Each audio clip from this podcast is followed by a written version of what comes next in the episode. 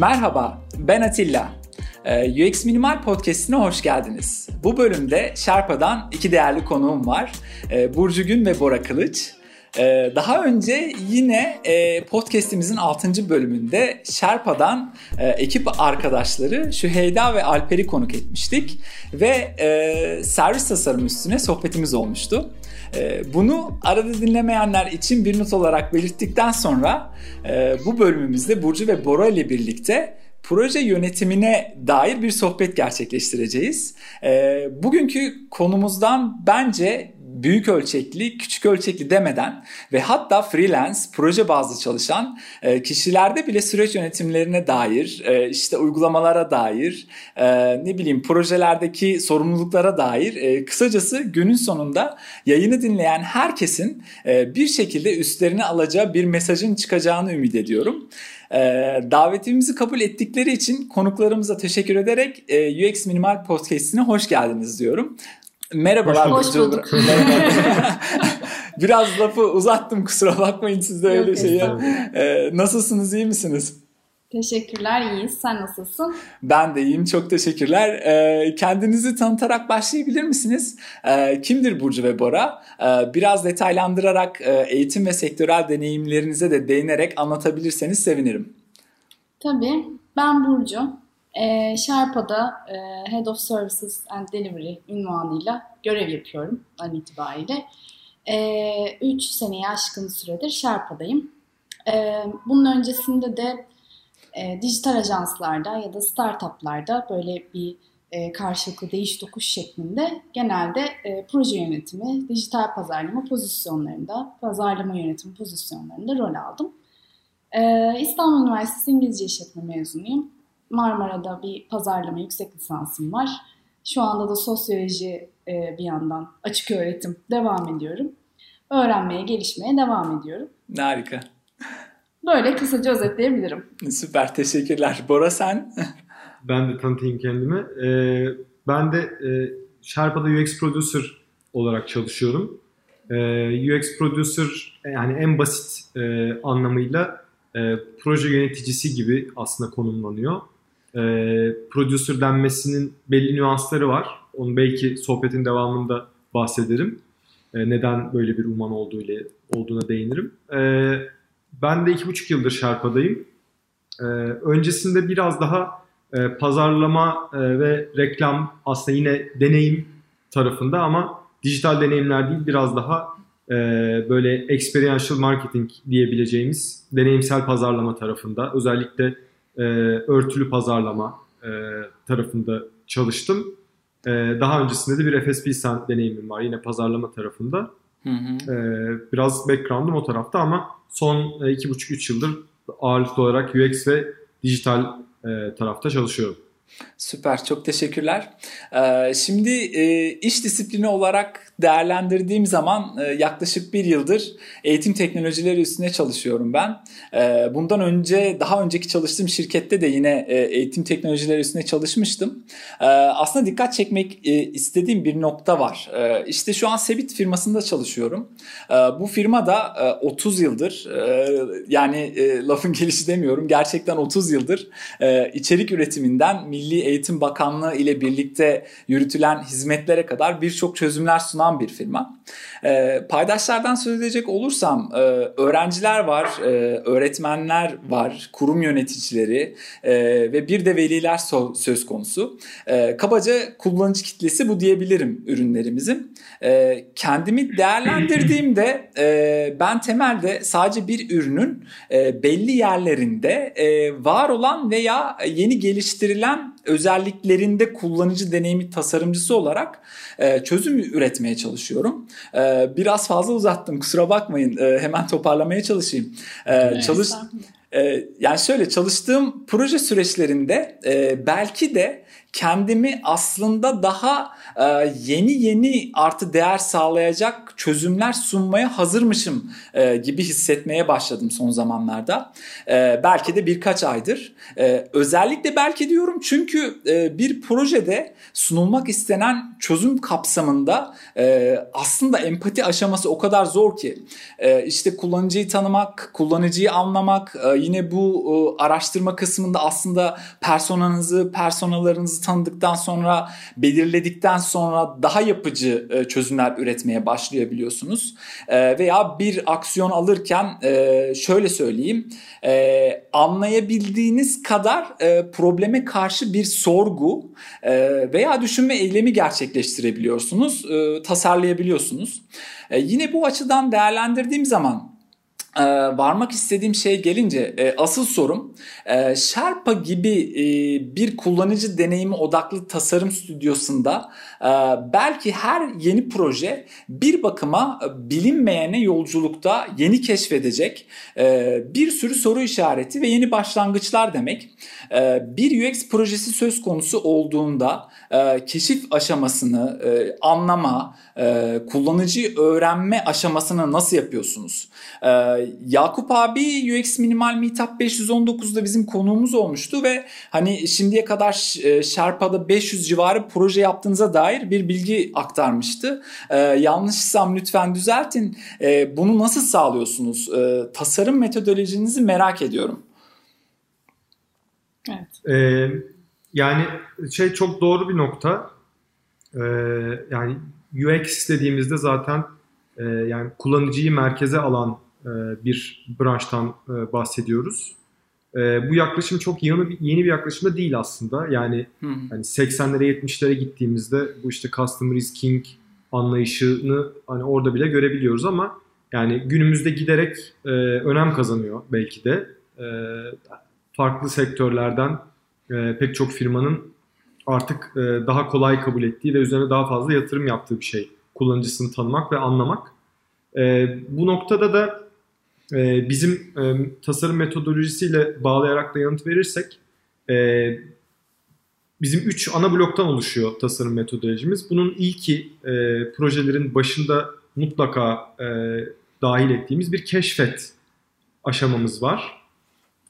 Bu aşamanın da zaten temel hedefi o projede o ürünün veya markanın üreteceği ürün veya servisin e, kimleri e, hedef alacağı, e, kimler için e, o ürünün veya servis deneyiminin tasarlanacağı. E, bu keşif aşamasında da bununla ilgili pek çok çalışma yapıyoruz. Bunun içinde e, bir mevcut dijital varlık varsa ortada bunun e, kantitatif veya kalitatif verilerinin elde edilmesi, analiz edilmesi olabiliyor. E, kullanıcı görüşmeleri olabiliyor. E, yani UX research diyeceğimiz e, kapsamda, alanda e, farklı metodolojilerle farklı çalışmalar yapabiliyoruz ihtiyaca göre. Bunun e, hani yazılmış bir hazır bir reçetesi yok. E, projenin ihtiyacına göre e, farklı kriterleri de değerlendirerek bir planlama yapıyoruz. Ama değişmeyen şey bunun mutlaka yapılıyor olması. E, artı tabii ki e, iş hedefleriyle ilgili de bazı e, çalışmalar yapılıyor bu keşif aşamasında. E, fakat e, odağın temelinde kullanıcı oluyor. Evet. Yani tabii e, üç ana blok dedik şimdi keşifle başlıyor. Sonra e, bir ideate e, dediğimiz kısım var. Sonra da create var. Boran'ın az önce bahsettiği e, bu araştırma, research aşaması her daim bu üç aşamayı destekleyen e, bir süreç. Yani aslında her aşamada biz kullanıcıyı nasıl daha yakından tanırız sorusunun peşindeyiz. Öyle olunca da yani 500 e, proje 500'ün üzerindedir belki Yakup'un bahsettiği. Hı hı. E, orada kolektif bir e, bir deneyim de birikmiş durumda bir yandan. Yani bugün geldiğimiz, bugün üzerinde çalıştığımız tasarım metodolojimiz Sherpa'nın birinci gününden itibaren üzerinde çalıştığı metodoloji elbette değil. E, ama zamanla her proje bir şeyler öğretiyor. Ee, ve çok sayıda proje olduğu için de o öğrenimlerle, o kazanımlarla bir yere getirebiliyoruz konuyu ama e, keşfetme kısmını e, çok önemsiyoruz. Çünkü her proje de bir e, kendine haslık taşıyor. O yüzden o proje dahilinde yapacaklarımızı, o yol haritasını belirlemek için de e, keşif aşamasında e, biraz zaman harcamak istiyoruz. Hı hı. Evet yani aslında e, düşündüğümüz zaman e, proje yönetimi tek taraflı bir iş değil. E, müşteriler e, bir noktada paydaş ve e, çözüm ortağı olması gerekiyor ki e, sunulacak hizmetten e, işte karşılıklı maksimum verim alınabilirsin. E, süreçlerinizde bu birlikteliği nasıl sağlıyorsunuz peki? E, ilk başta aslında şöyle sağlıyoruz. E, demin e, çok detaya girmeden bahsetmiştim. E, keşif aşamasında evet e, kullanıcıları tanımak, e, mevcut acı noktalarını belirlemek e, önemli. E, fakat burada e, proje sahibini tanımak da önemli. E, neticede evet ortaya çıkan deneyimi e, kullanıcılar e, değerlendiriyor, faydalanıyor olacak ama e, ortada inkar edemeyeceğimiz bir de e, iş hedefleri var çok doğal olarak. E, bunları projenin başında net bir şekilde anlamak e, bizim için çok önemli. Yani proje yönetiminin olmazsa olmazlarından. E, bu noktada da örneğin e, paydaş görüşmeleri yapıyoruz. Nedir bu paydaş görüşmeleri? Projenin çoğunlukla ilk bir ay içerisinde proje sahibinde bu projenin katacağı değer ve etkileyeceği e, farklı birimlerden en çok faydalanacak e, paydaşları şirket içerisinde belirliyoruz e, proje sahibiyle birlikte ve e, birebir görüşmeler gerçekleştiriyoruz.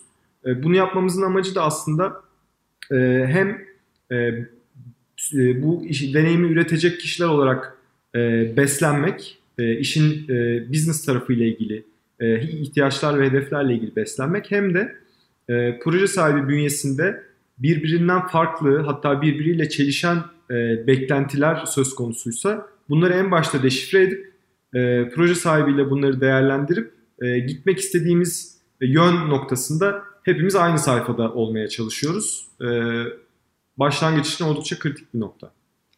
Evet.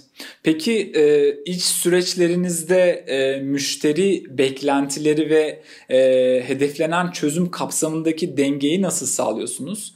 E, ve gerektiğinde müşteriyi e, aslında senin de belirttiğin gibi e, müşteri dememek lazım. Paydaşlarınızı e, nasıl ikna ediyorsunuz? E, sonuçta e, çıktığınız yolda tasarım odaklı düşünmede e, işte her aşamada sizi ummadığınız bir noktaya getirebilir. E, bir de e, hiç sunduğunuz e, çözüme ikna edemediğiniz oldu mu e, paydaşınızı? Olduysa öyle durumlarda nasıl bir pozisyon alıyorsunuz? Ee, şöyle şimdi paydaşları ikna etme noktasında e, daha kick-off'tan daha bugün hatta biz sürekli böyle bir dokümantasyonla haşır neşir olan bir e, tasarım stüdyosuyuz. Kendi içimizde evet. de e, sürekli standartları yeniden tanımlıyoruz. Daha bugün kick-off nasıl yapılır, hangi soruları nasıl sormalıyız dokümanımızın üzerinden bir kere daha geçtik. Orada mesela riskleri yeniden tanımlamak ve o riskleri tabu olmaktan çıkarmak çok önemli. Yani orada daha ilk e, birinci günden bunu konuşabildiğimiz zaman bir kere o güven e, bariyerini, e, o güvensizlik daha doğrusu güven oluşabilecek e, potansiyel güvensizlik bariyerini ortadan kaldırmış oluyorsunuz. Hı hı. E, bir de bunun haricinde e, biz Sherpa'da epey şeffaf bir süreç yönetiyoruz. E, proje sahiplerinin, işte paydaşların e, projenin içinde e, rol alabilmesi için e, mutlaka işte mesela işte persona workshopları yapıyoruz, atölyeler yapıyoruz. Biz bizim elimizde bir reçete yok az önce Bora'nın bahsettiği gibi. Yani hazır sizin personanız bunlar hadi bunlar üzerine çalışıyoruz şimdi demiyoruz. Onları birlikte çıkarıyoruz, birlikte çalışıyoruz onlar üzerinde. Dolayısıyla zaten e, onlar da o e, rolde katılımcı oluyorlar. Bunun haricinde işte ürettiğimiz her şeyi paylaşırken nedenini, niçini, rasyoneliyle paylaşıyoruz. Yani sadece bir ekran tasarlamak değil tasarım süreci. Onun öncesinde bilgi mimarisi var, onun öncesinde kullanıcı hikayeleri var. Bunların her biri bizim ürettiğimiz çıktıya bir, belirli bir rasyonel oluşturuyor.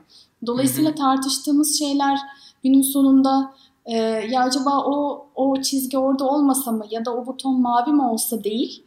E, bizim kullanıcımız acaba onu orada görmek istiyor mu e, noktasında şeyler oluyor ve onların cevapları da kullanıcı hikayelerinde bir önceki adımda belirlediğimiz kategori ağacında e, oluyor. E, o yüzden e, bunların cevaplarını verebildiğimiz noktada da aslında e, daha subjektif konular üzerinden e, tartışmaya girip ikna olmak ya da olmamak gibi bir e, bir rasyonelle bir soruyla karşılaşmıyoruz. Ee, ben ben de bir ekleme yapayım tabii, burada tabii. ufak bir ekleme. Ee, şey e, yani tasarım odaklı düşünmede her aşamada e, beklemediğiniz bir şey olabilir e, demiştin yanlış hatırlamıyorsam. Hı hı, evet. E, bu da çok doğru. E, aslında e, bizim iş modelimizin de e, çıkış noktalarından biri bu. E, bizim e, kısaca DAS dediğimiz Design as a Service diye bir iş modelimiz var. E, bu iş modelinin de aslında e, çok e, hani hızlıca bahsedersem bir abonelik modeli. E, biz bir çıktı bazlı hizmet teklifi sunmuyoruz proje sahiplerimize.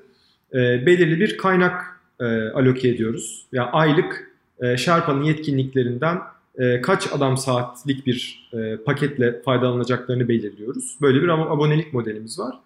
Bunun e, en önemli avantajı da esneklik sağlaması. Çünkü dediğin gibi bu esnekliğe proje sürecinde ihtiyacımız oluyor. Yani ilk günde veya kick-off yapıldığında önümüzde çok belirgin bir süreç varmış gibi gözükebilir. Fakat özellikle keşif aşaması içerisinde tespit ettiğimiz bazı bulgular bu kullanıcı tarafı ile ilgili olabilir veya proje sahibinin e, beklentiyle ilgili olabilir. E, bir anda e, işi bambaşka bir yere götürebiliyor. E, dolayısıyla da e, çalışma modelinin o yani proje yönetimi anlayışının da bu esnekliği e, göğüsleyebilir e, nitelikte olması gerekiyor. E, o nedenle de böyle bir iş modeliyle çalışıyoruz örneğin. Yine iç süreçlerinizde ekipler nasıl çalışıyor peki? Ee, belki biraz detaylandırabilirseniz sevinirim. Hem siz kendi içinizde hem de paydaşlarınızda sorumlu olduğunuz ekiplerde nasıl bir yöntemle, nasıl bir yolla aynı paydada ilerleyebiliyorsunuz? Aslında tasarım metodolojimiz e, ve o dokümanlarımız, oradaki dokümanlarımız epey bir yol gösteriyor bize. Bir handbook'umuz var, kamuya da açık.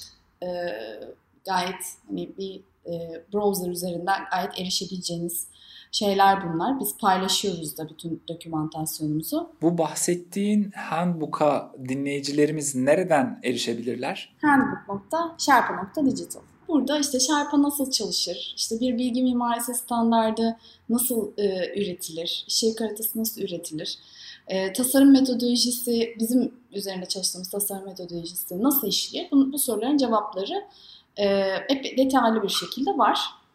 E, bunlar bize yol gösteriyor. Yani e, yeni bir projeye başladığımızda e, bilmediğimiz şey kullanıcı, onun beklentileri, onun ihtiyaçları, kısacası personalarımız ve onların yolculukları. Ama bildiğimiz şey nasıl ilerleyeceğimiz. Yani keşif aşamasını bir ayda tutabiliriz, üç ayda tutabiliriz. O bandwidth'e bağlı, ne kadar kaynak ayırdığımıza bağlı, karşılıklı proje sahipleriyle anlaştığımız şeye bağlı. Ama o aşama mutlaka var. Ee, bunun haricinde içeride de epey bir şey, e, checkpointlerimiz var. E, projelerde mutlaka proje bitince değil, e, belirli frekanslarda belli retrospektifler yapıyoruz örneğin. İşte bu projede neyi iyi yaptık, neyi daha iyi yapabilirdik, buradan öğrendiğimiz şeyler neler oldu ve bir sonraki e, üçüncü ayda, bir sonraki ayda ya da başka bir proje geldiğinde neleri dikkate almalıyız sorusuna cevap vermeye çalışıyoruz.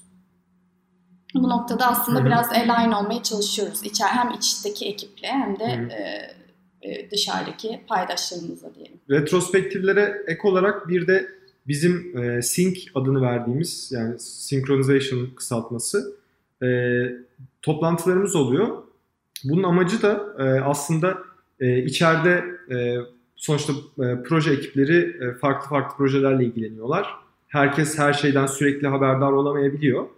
E, yine e, düzenli aralıklarla e, bu görüşmeleri yapıp bu hem aslında birimler arası e, yani örnek veriyorum işte biz e, producerlar kendi içimizde veya designerlar kendi içinde belli aralıklarla toplanıp e, geçen süreçteki paylaşmak istedikleri farklı belki izledikleri yöntemler veya farklı deneyimleri paylaşıyorlar. Hem de e, yılda iki defa tüm Sherpa ekibi bir araya gelip e, bir genel gündem üzerinden e, herkesin e, belli noktalarda e, bilgi seviyesinin eşitlenmesi için senkronizasyon çalışması yapıyor. Bu da aslında e, içeride böyle siloların oluşmamasını e, en azından bir ortak bir payda da mümkün olduğunca herkesin bir araya gelmesini sağlıyor. Bir de aslında şeyden bahsetmek lazım ek olarak. Bunlar daha böyle e, vizyoner hani toplantılar gibi görülse de day to day'de de sprint planlama görüşmelerimiz var.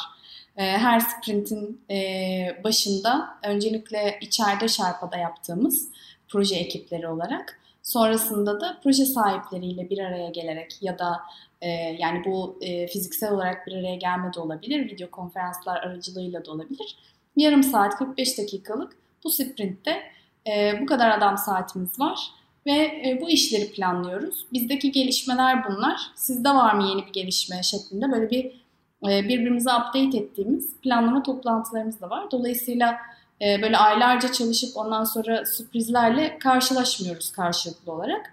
E, sürekli haberleşme halindeyiz. Bir kere zaten e, bu planlama toplantılarının haricinde de Slack aracılığıyla da zaten günlük iletişimimiz e, baki. O yüzden e, çok da sürprizimiz olmuyor diyebiliriz o anlamda. E, belli periyotlarda yaptığınız e, hem iç süreçlerinizle hem paydaşlarınızla e, gerçekleştirdiğiniz e, senkronizasyon çalışmaları e, bir noktada e, herkeste bir farkındalık oluşturuyordur. E, peki bu sonuç olarak ilgili e, proje kapsamında ee, mesela ekipten birileri ayrılsa e, ya da hizmeti sunduğunuz proje sahipleri değişse e, nasıl bir ilerleyiş sergiliyorsunuz? Ee, burada da şey e, çok kritik yani dokümantasyon bu da bizim biraz takık olduğumuz konulardan bir tanesi. Evet, takık doğru kelime. Evet. ya bir şey planlama konusunda bir de bu dokümantasyon konusunda biraz şeyiz, takız. Ya şöyle e, hem e, içeride bahsettiğin örnek üzerinden gidelim. İşte bir e, arkadaşımız ayrıldı ekipten. E, bir projenin örneğin tasarımcısı e, ayrıldı. Fakat hayat devam ediyor. E, sonuçta belli bir plana uygun şekilde e, ilerlemeye ve önceki yapılan işlerden e, tutarsız bir şey de ortaya çıkmaması gerekiyor. E, burada dokümantasyon çok kritik. E, örnek verelim e, tasarımcı gelip e, o koltuğa oturduğunda e, o ana kadar yapılan işleri e, ya birincisi e, tasarım yani çalışma dosyasını açtığında orada belli bir dizayn sistem görebilmeli. E, tüm asetleri belli kurallar çerçevesinde e, hazırlanmış, derlenmiş, toplanmış bir şekilde bulabilmeli. Aynı şekilde de daha geriye dönük e, yani proje hafızası diyebileceğimiz veya proje künyesi diyebileceğimiz e, bir takım e, dokümanlara e, ulaşabiliyor olmalı. E, bunları da o, o güne kadar yapılan, üretilen çıktılar nelerse e, işte kullanıcı hikayeleri olabilir, bilgi mimarisi olabilir, e, ya bir toplantı notu olabilir yeri geldiğinde. E, bunları e, tutuyor, yani kaydını tutuyor olmak ve kolay erişilebilir e, olduğundan emin olmak çok önemli. Aynı şekilde proje sahibinde de bizim e, farklı ekiplerle yani sürecin ortasında e, bir anda işin farklı bir ekibe geçtiği durumlar olabiliyor. E, burada da aynı şekilde bizim elimizde bu dokümantasyon olduğu için ve proje sahibi tarafından onaylı olduğu için e, bunları paylaşıp yeri geldiğinde proje sahibinin de e, hızlı bir şekilde sürece onboard olmasını e, sağlayabiliyoruz hep böyle proje proje proje dedik ama belki de bu soruyu belki en başta yöneltmem gerekiyordu size. E, proje yönetimi nedir sizce? E, bunu kullanıcı deneyimi odaklı bir süreç perspektifinde e, yine kişisel tecrübelerinizi de harmanlayarak yanıtlamanızı rica edeceğim. E, çünkü e, proje yönetimi dendiğinde... E, bugün en basiti işte internetten bir arama yapsak e, mutlaka teorik olarak birçok kaynağa ulaşabiliriz. E, proje dediğimizde de e, aslında belli bir zamanda yani e, bir süreç çerçevesi olan bitirilmesi gereken bir işten bahsediyoruz. E, yoksa bu bir e, proje değil e, girişim olurdu değil mi? Evet, evet, evet. Aynen öyle. Yani şöyle e, proje yönetimi bir kere tek bir kişiye e, tek bir kişiden beklenmemesi gereken e, bir e, genel bir süreç yönetimi. E, sadece mesela bizim şimdi en başında Bora bahsetmişti producer rolü neden producer, e, neden proje yöneticisi değil diye. Çünkü bizde herkes proje yöneticisi. Öyle olmak zorunda. E, takip ettiğimiz e, tasklarımız var. Herkesin bireysel taskı var. E, topluca üzerinde çalıştığımız belli tasklar var. Bunları bir e, task yönetim aracıyla e, takip ediyoruz. Ve e, her bir task için verilen belli eforlar var üzerine koyduğumuz, önden planladığımız. Buna bu kadar harcarım. Muhtemelen şu kadar zaman zamanımı alır. Bu kadar aşarım ya da aşmam gibi. E, dolayısıyla herkes kendi bireysel zaman yönetiminden ve ayrıca o projenin hedeflerine uygun e, şekilde ilerlemekten sorumlu. Dolayısıyla bu bir kişinin işi değil. Yani sadece Sherpa'da değil, e, paydaşlarda da aynı şekilde onların da katılımcı olmasını bekliyoruz. Yani onların da aynı şekilde bu projeyi bizimle beraber yönetmelerini bekliyoruz. Ee, bizce proje yönetimi biraz daha holistik bir bakış açısına sahip olması gereken bir süreç yönetimi. Öyle özetleyebilirim. Benim geçmiş tecrübelerimde işte startuplar var, e, bir takım dijital ajanslar var. E, oralardaki proje yönetimi e, maalesef yani ben şimdiye kadar hep kötü örneklerini gördüm. Ee, o yüzden şu an anlayabiliyorum ki proje yönetimi o değil. Yani bir iş beklediğiniz zaman o kişinin yanına gidip ne oldu o iş sana bir mail atmıştım 5 dakika önce ona bir baksana demek değil. Ee, proje yönetimi başka bir şey. Ee, o yüzden e, yani herkesin katılımı gerekiyor muhakkak. Bora sen de bir şeyler ekleyecek gibiydin ama. Benim ekleyecek hiçbir şey yok. çok çok güzel anlattın bence. Okey. Ee, ben Burcu ve Bora'ya vakit ayırıp yayınımıza katıldıkları için tekrar çok teşekkür ediyorum. Biz teşekkür ederiz. Biz teşekkür ederiz. Yavaş yavaş da vaktimizin sonuna geldik. Güzel de bir sohbet oldu. Ee, dinleyicilerimiz size bir şeyler sormak isteseler nasıl ulaşabilirler? Ee, bize web sitemizden ulaşabilirler. Facebook'tan, LinkedIn'den ulaşabilirler. Sherpa.digital web sitemizin adresi. Ee, LinkedIn'de, Twitter'da, Instagram'da, Facebook'ta varız sosyal medya platformlarında. Ee, bunun haricinde maillerimiz aracılığıyla ulaşabilirler. İsim, soyisim, bitişik at sherpa.digital yine aynı şekilde. oralardan ulaşılabiliriz. Kapanış konuşmama başlamadan önce yine değinmek istediğiniz, e, son olarak dinleyicilerimize aktarmak istediğiniz bir şeyler var mıdır? Benim yok. Çok teşekkür ederiz. Evet. Yani şey faydalı, güzel bir sohbet olduğunu umuyoruz. Yani din, dinleyiciler de e, hani faydalanacak, e, ilgilerini çekecek bir şeyler bulur diye umuyorum. Mutlaka olacaktır. O zaman e, bugünkü podcast'imizin de sonuna geldik diyoruz. Bizi dinlediğiniz için teşekkür ediyoruz. Organize ettiğimiz etkinliklerde birlikte öğrenerek gelişmeyi Slack kanalımızda da sürekli iletişimde kalmayı hedefliyoruz. Bu arada e, Burcu ve Bora Slack kanalımızda var mısınız? Ee, yokuz. yokuz bize davet gelmedi. bize davet gelmedi. e, o zaman bu vesileyle de sizi Slack kanalımıza da davet etmiş olalım. E, gelirseniz seviniriz. E, hem de yayınımızı dinleyen UXM takipçileri e, yine Slack kanalımızdan da böylelikle sizinle iletişim kurma imkanı yakalamış olurlar. Süper. Ee, orada güzel bir etkileşimimiz var. Ee, etkinliklerimizi takip etmek için Meetup üzerinden kaydolabilirsiniz. Ee, yine web sayfamızdan Slack kanalımıza ulaşıp kaydolabilir ve sosyal medya hesaplarımız üzerinden de e, takip ederek UX Minimal'den haberdar olabilirsiniz. Ee, podcast'imizi dinlediğiniz servis veya uygulama üzerinden de lütfen takip etmeyi, abone olmayı unutmayın.